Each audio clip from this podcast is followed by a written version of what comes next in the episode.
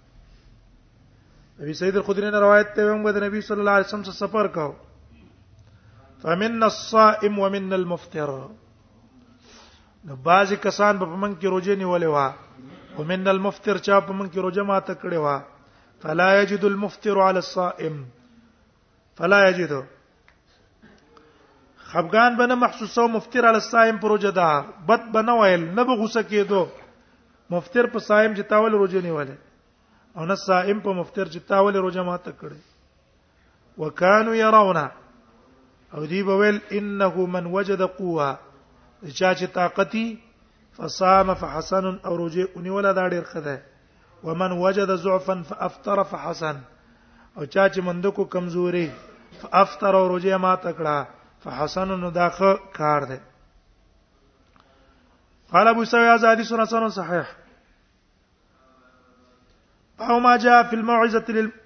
في في الرخصه للمحارب في الافطار باب دې بیان د دې کې چې سړی جنگ کې د کافرانو سره رمضان میاش او د راځي روزي خوري د لپاره چې د مقابله د لپاره قوي شي دا روزي خړل د لپاره جایز دي ناروا نه دي وبي قال سنة قتيبة قال سنة له عن يزيد بن أبي حبيب عن معمر بن أبي حياته عن ابن المصيب انه سأل عن الصوم في السفر دنه تاسو کو بار د رجو په سفر کې حد دي سے بیان کو چین عمر بن الخطاب قال غزونا مع رسول الله صلى الله عليه وسلم في رمضان غزوه من النبي صلى الله عليه وسلم ستلي دو غزوته يوم بدر والفتح ورځ د بدر او فتح افطرنا فيها ما فيها ما په دې ماړه کې موږ څوک للې روزه مات کړې وې په بل باب نبی سعید په دې باب کې د ابو سعید خدری نوم روایت ده قال ابو اسحاق حدیث عمر لا نعرف الا من هذا الوجه وقد روي عن ابي سعيد عن النبي صلى الله عليه وسلم انه امر بالفطر د حکم کړه په فطر فی غزوه غزاها غزوه کې چې دا ولته له وقد روي عن عمر بن الخطاب نحو هذا عمر بن الخطاب نم دقه سي نقل له انه رخص دی عمر بن الخطاب اجازه ور کړې ده الافطار عند لقاء العدو په وخت ملاقات د دشمنانو کې چې تو ته روزه ماته کې دې لپاره چې دشمن ته قوي شي خیر او به یقول بعض العلم د علماء فتوا ده باو ما جاء في رخصه في الافطار الحبلى والمرضعه حامله زنانه ده او دې ته خطر ده که زه روزه اونې سمانو حمل به برباد شي ځای بشي یا مرضعه د ماشوم ته ته ور کوي دې ته پته لري چې خراس کا کو نه کمانو پېج می سینه کې ناراضي ماشوم د ولګې نه مړکی خرابېږي نو دې لپاره روزي خړل په اتفاق علماء جایز دي صرف بیا اختلاف ده دې کې چې کفاره څه ده عبد الله ابن عباس عبد الله ابن عمر نه قول نقل ده چې بس صرف فدیه باور کی بشان ته دا شیخ پانی قضا په نشتا فدیه باور کی دویم قول د امام شافعی رحمه الله ده امام شافعي رحم الله وایي اطعام بم ورکی قضا بم راوړي فدیه بم ورکی او رستو چې کلا وزه د حمل وکړه یا د رضاعت د ماشوم نه اوسګار شو بیا وسکې بیا وداغه روزو قضا ام راوړي اطعام او قضا به دوانه جمع کوي دریم قول د جمهور علماو ده جمهور علما وايي جمهور چې په دې باندې صرف خزا ده اطعامم په نشتا د دې حکم په شان ته د مریض او مسافر ده حکم یې چا ده مریض او مسافر ده کله چې دا وزه د حمل او شوه او یا کله د تین اوسګار شوه دا غي نرسته به د قروجو قضا راوړي شان ته د بیمار چې کله بیمار قادر شي په خپل روزو روزو قضا به راوړي فدیه په هغه باندې نه وبه قال حدثنا ابو كريب يوسف ابن عيسى قال سنا وكي ابو هلال عن عبد الله بن سواده عن انس مالك رجل من من بني عبد الله بن كعب قال يا قال ترينا خيل رسول الله حمله وکړو باندې اسونو د رسول الله صلی الله علیه وسلم د اسلام راوړیو هم په غزي کېو فاتحه رسول الله صلی الله علیه وسلم د نبی صلی الله علیه وسلم تر عالم فوجتو یتغدا محمد کو نبی صلی الله علیه وسلم د غرمې ډوډۍ خوړله